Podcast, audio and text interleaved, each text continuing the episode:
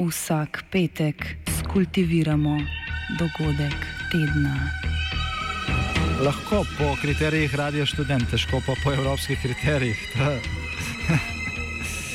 Ampak na drug način, kot vi tu mislite. Kultivator vedno užge.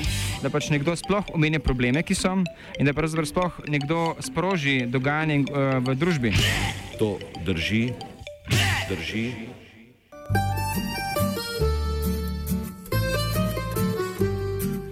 V sredozemlju nič dobrega.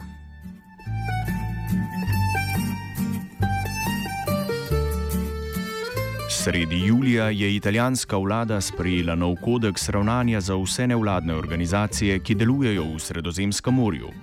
Najbolj sporne točke novega kodeksa smo predstavili v offsetu z naslovom Lov na čarovnice, dostopnem na naši spletni strani. Spomin nam osveži Tomaž iz Italije, ki se ukvarja z migransko problematiko.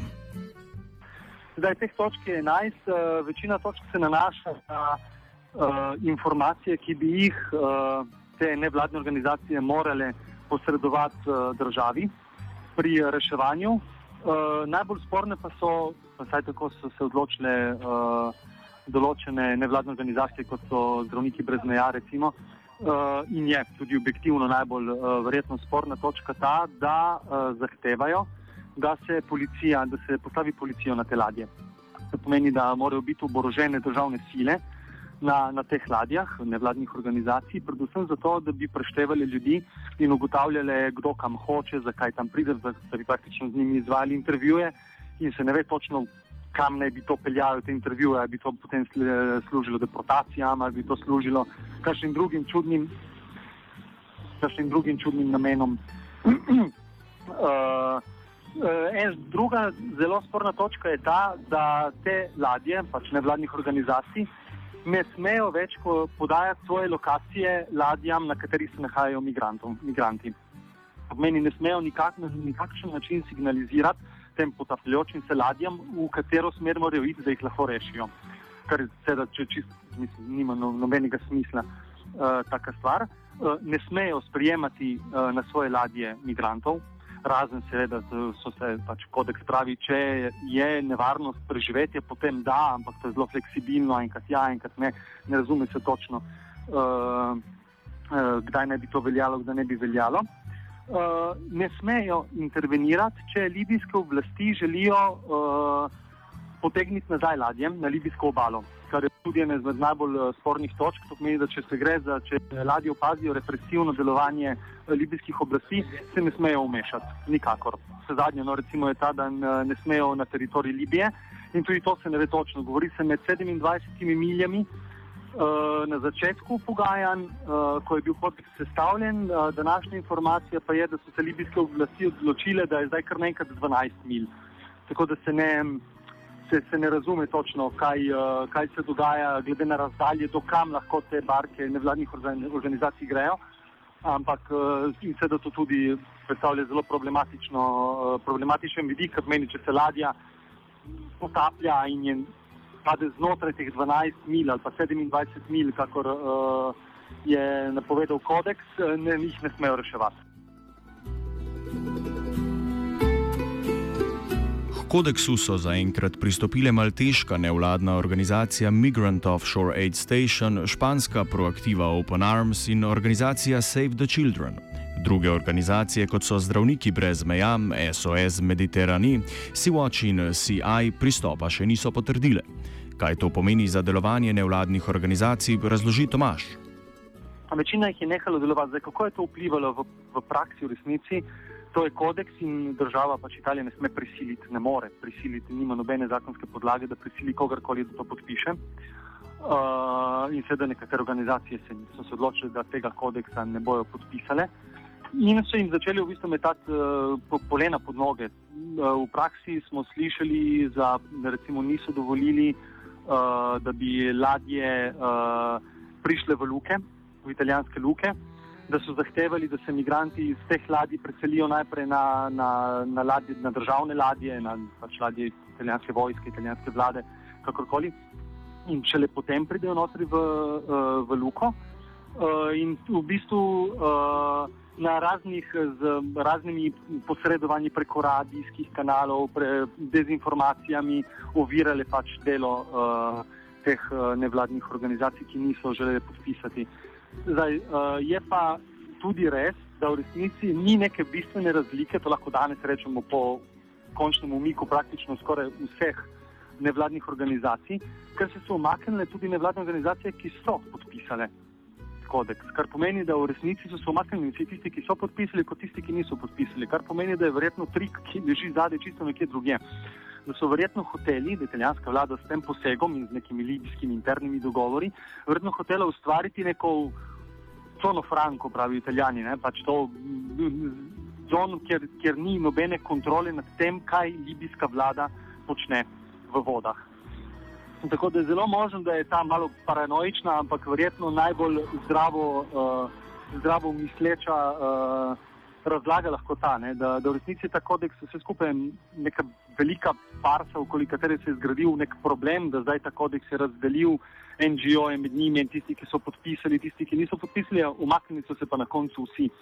Uh, zakaj so se umaknili? Umaknili so se zato, ker tudi ladje, ki so recimo podpisale kodeks, so dobile neposredne grožnje strani libijske vojske, da bojo streljali na njih, če se približajo, da bojo streljali na njih, če bojo pomagali imigrantom in seveda te ljudje, pač, ki delajo na teh ladjah, so se ustrašili, so rekli, op, tole zdaj zelo, zelo resno, karkoli se dogaja in so se začasno umaknili.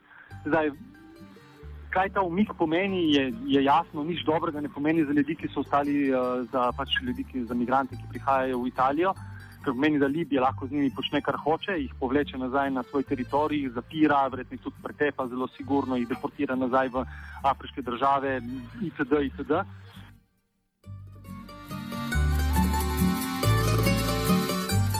Libija se je na novi kodeks odzvala navdušeno. Vzpostavila je tako imenovano območje iskanja in reševanja ter prepovedala, da bi v območje plule tuje ladje, čeprav gre za mednarodne vode. Za teritorijalne vode se po mednarodnem pravu namreč šteje 12 nautičnih mil morja od obale. Da takšni ukrepi ne spoštujejo mednarodnega prava in prispevajo k številu migranskih žrtev, razloži Ruben Neugebauer iz organizacije Sea Watch. So what the Libyans basically did is um, that they um, just uh, told in a press conference that they set up um, a search and rescue zone, um, which uh, is uh, covering the whole area um, up to the Maltese uh, search and rescue zone. Normally, a search and rescue zone under IMO regulations means uh, that in this area the coastal state is responsible for sea rescue. Um, uh, this is a very limited um, task. Um, but what the Libyans did is that they told that they would not accept NGO ships within this uh, search and rescue zone. And that's basically a breach of international maritime law. And it's a breach of international law because they, they cannot just um, tell any ship uh, to stay out of international waters um, within their search zone. Uh, what they can do, they can ask us to um, coordinate uh, the rescue um, that's possible, but they cannot throw us out of the um, of the search zone. But there's a reason for it because international law also says uh, that people who are rescued at sea have to be brought to a place of safety. And obviously, Libya is a country of civil war and um, cannot be considered as a safe country for migrants on escape.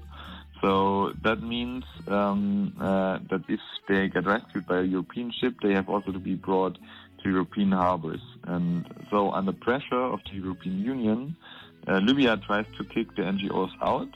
Um, so basically, Libya is doing the dirty work um, uh, for Europe, which tries to shut down its borders for people in need, and um, that's a problem uh, as we consider. So um, what we have experienced in the last days was that the Libyans actually do what they say. Um, they tried to kidnap uh, a ship of the uh, Spanish organization Proactiva. They were firing warning shots in international waters uh, against um, humanitarian organizations, and also they uh, already crashed some rescues, um, and they caused uh, dozens to, to drown um, when they tried to pull people back to Libya from international waters. So um, uh, we have uh, breaches of international law on a daily basis, and uh, this is something Europe should not accept, and uh, Europe should. Uh, uh, make very clear um, by ending the cooperation with the Libyan Coast Guard that these breaches of international law will not be tolerated. Medtem ko obnašanje Libije onemogoča delovanje nevladnih organizacij, ki imigrante poskušajo reševati, pa prinaša zadovoljstvo organizacij, ki jim to poskuša preprečiti. Gre za rasistično operacijo Defend Europe organizacije Generacije identitete. Neuge Bauer sicer meni, da je imela operacija le majhne učinke na delovanje reševalnih organizacij. Actually, not at all. Um, I mean, what they basically do is they are driving around with a ship. Um, sometimes uh, they uh, kind of do some radio calls on channel 16, which is forbidden um, because it's an emergency channel. Uh, but basically, that's what they did. They didn't do much more, and now um, they um, somehow talk about um, success of their mission. I can see any success of their strange mission because they just were driving around and did, didn't do anything.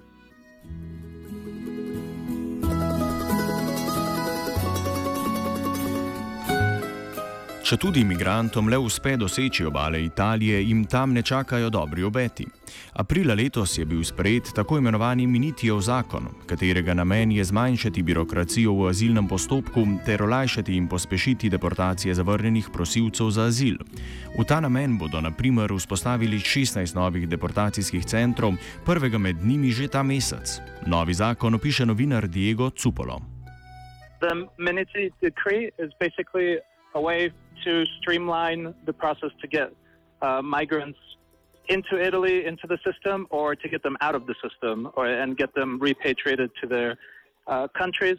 This creates a problem because the Italian uh, reception system is still lacking some basic uh, administrative uh, necessities, some manpower. There's a lot of disorganization. So, what happened and what I covered in my article was that some refugees and migrants were getting um, kicked out of the healthcare system in Italy, and I saw results where women were giving birth outside the outside the public health system. They had to pay for private health practitioners, and since you know they're migrants, they arrive to Italy without money or without anything usually.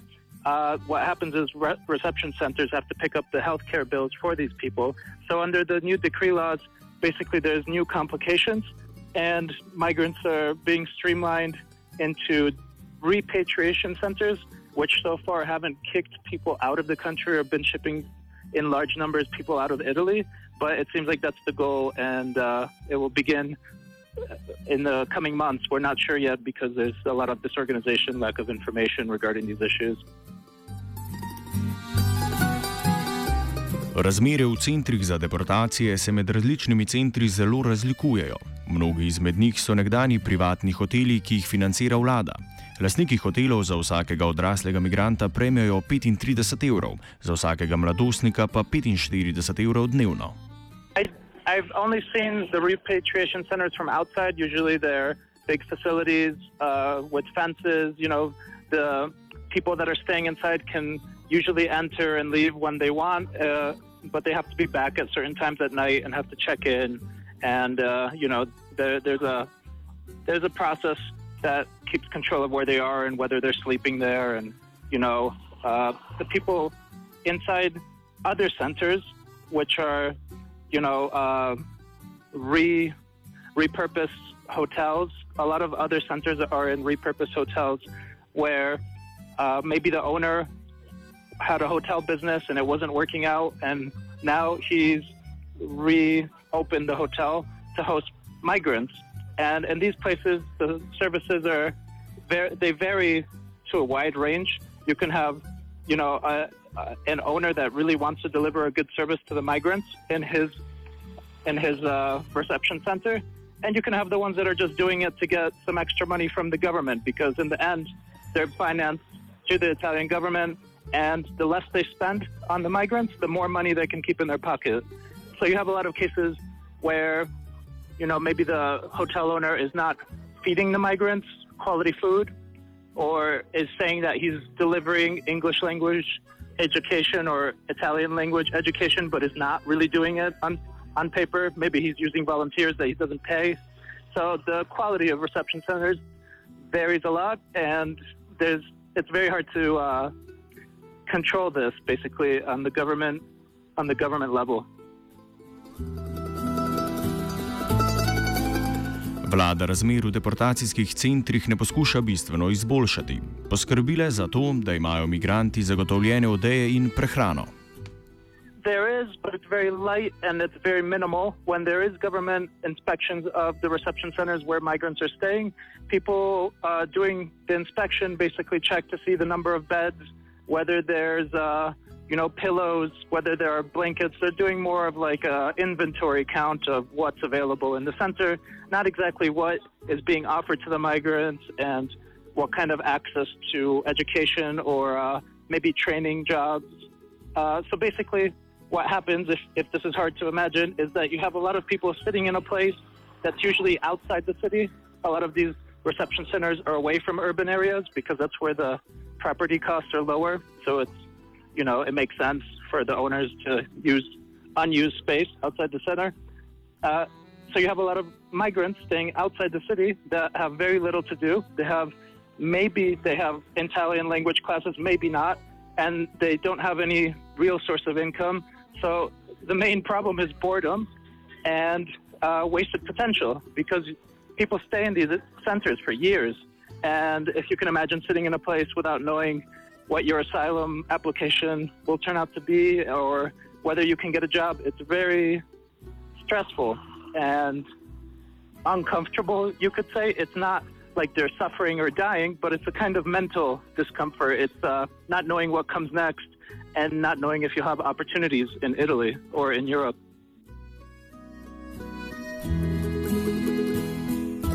Spremembe novi zakon prinaša tudi na področju zdravstvene oskrbe za migrante. Do sedaj je bila ta dobra, saj je predvidevala dežurno službo, ki lahko oskrbi kogarkoli, ne da bi o pacijentih morala poročati policiji. Razloži Tomaš. Italija je ena izmed redkih evropskih držav, ki za razliko od Slovenije, ki tega nima, Italija to ima, nudi zdravstveno pomoč vsem, tudi ljudem brez dokumentov. Uh, imajo posebne, uh, posebne službe, zdravniške službe, presidijo mediko, presidijo di medicina generale, ne vem, kako bi se neki dežurni zdravniki, moramo reči, ki sprejemajo ljudi tudi brez dokumentov in so zavezani, da ne posredujejo podatkov policiji. To pomeni, da tudi če se tako imenovani ilegalni migrant uh, pojavi pri njih in prosi za zdravstveno pomoč, te zdravniki ne smejo javiti policiji, da se oseba nelegalno nahaja na teritoriju, čeprav oni vejo, da se nelegalno nahaja na teritoriju. Pomeni, da so zelo zaščiteni. E, obstajajo tudi posebne zdravstvene knjižice, ki se kličejo STP, to so stranjeni temporanemente prezenti, to pomeni začasno prisotni tujci, ki velja kot zdravstvena izkaznica, dobijo neko številkico, je brez imena, brez prijimka, je samo številka je in štempel, da imaš krite uh, osnovne zdravstvene uh, potrebe. Tako da to je to. Ko pa ti enkrat dodelijo davčno številko, in to se zgodi, ko imaš naslov, ti lahko zaprosiš kogarkoli poznaš, da, te, da ti da naslov. In večina NGO-jev v Italiji, ki se ukvarja z nastanitvijo imigrantov, se ukvarja tako, da da naslov tem ljudem, dobijo uh, davčno številko. Enkrat, ko imajo davčno številko, imajo dostop do iste zdravstvene skrbe, kakor jaz, kot nek italijan na italijanskem teritoriju.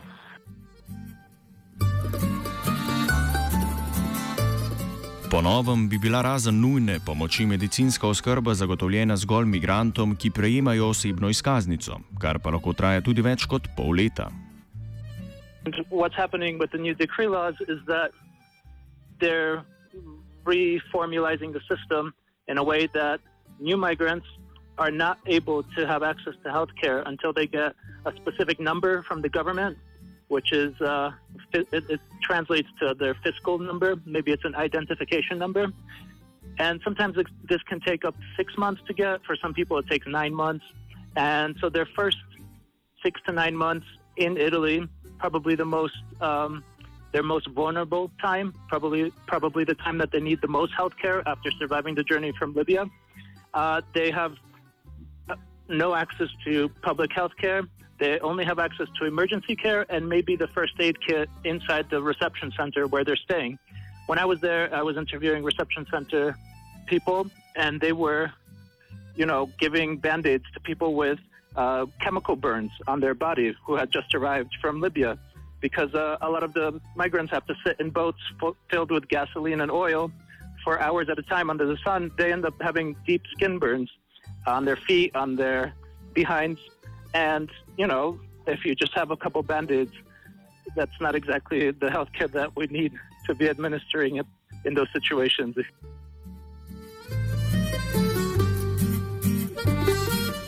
Včeraj je poleg tega začela veljati točka zakona, ki prosilcem za azil dovoljuje zgolj še eno možnost pritožbe na zavrnitev azila. Kako bo ta ponovem potekala, opiše Tomaš. Vse pa naj, največja sprememba, ki pa bo vplivala na ljudi, ki pa bojo zaprosili za azil, je pa ta, da bodo imeli možnost samo enkratne pritožbe. To pomeni, da se bodo lahko pritožili samo na, na ustavno sodine, ustavno, pardon, na administrativno uh, sodišče. In uh, to je to. In potem, ko bojo, bojo dobili negativni odgovor administrativnega, bo se bo njihov azil končal v Italiji, kar je v bistvu. Zdaj se že dela na tem, da bi se to zdaj sesulo, da to nima, no, da je proti, proti vsem možnim zakonodajam. Skratka, tako da se že dela na tem, da bi se to ukinulo, ampak trenutno pa je v veljavi, v veljavi od včerajšnjega dneva.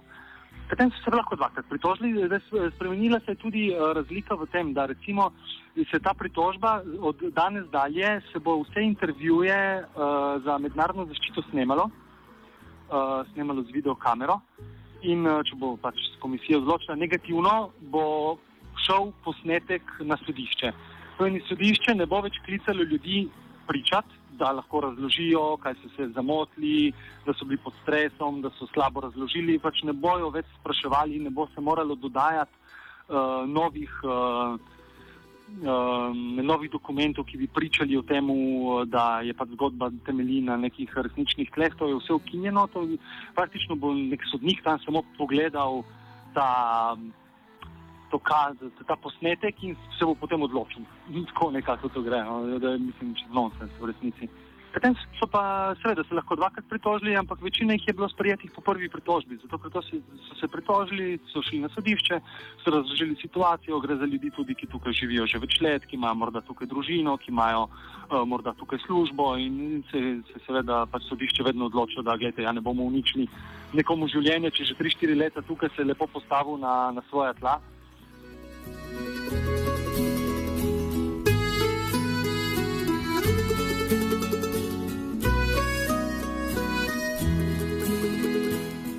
Prosilci za azil imajo ponovem tudi možnost opravljati prostovoljno družbeno koristno delo, ki sicer ni plačano.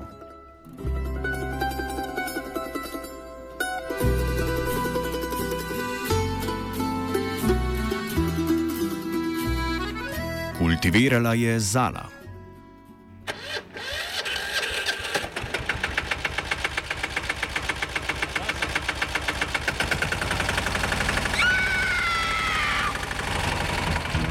E, kaj pa je to? Ja, kultivator. Gre za neko vrsto apatije. To lahko reče samo kreten, noben drug. Socialni invalid in ga je ne mogoče urejati. Drugi kandidat. Pa, pa pije, kadi, masturbira, vse kako ti lahko reče. Nihče tega ne ve. Vsak petek skultiviramo dogodek tedna. Lahko po kriterijih radio študent, težko pa po evropskih kriterijih. Ampak na drug način, kot vi tu mislite.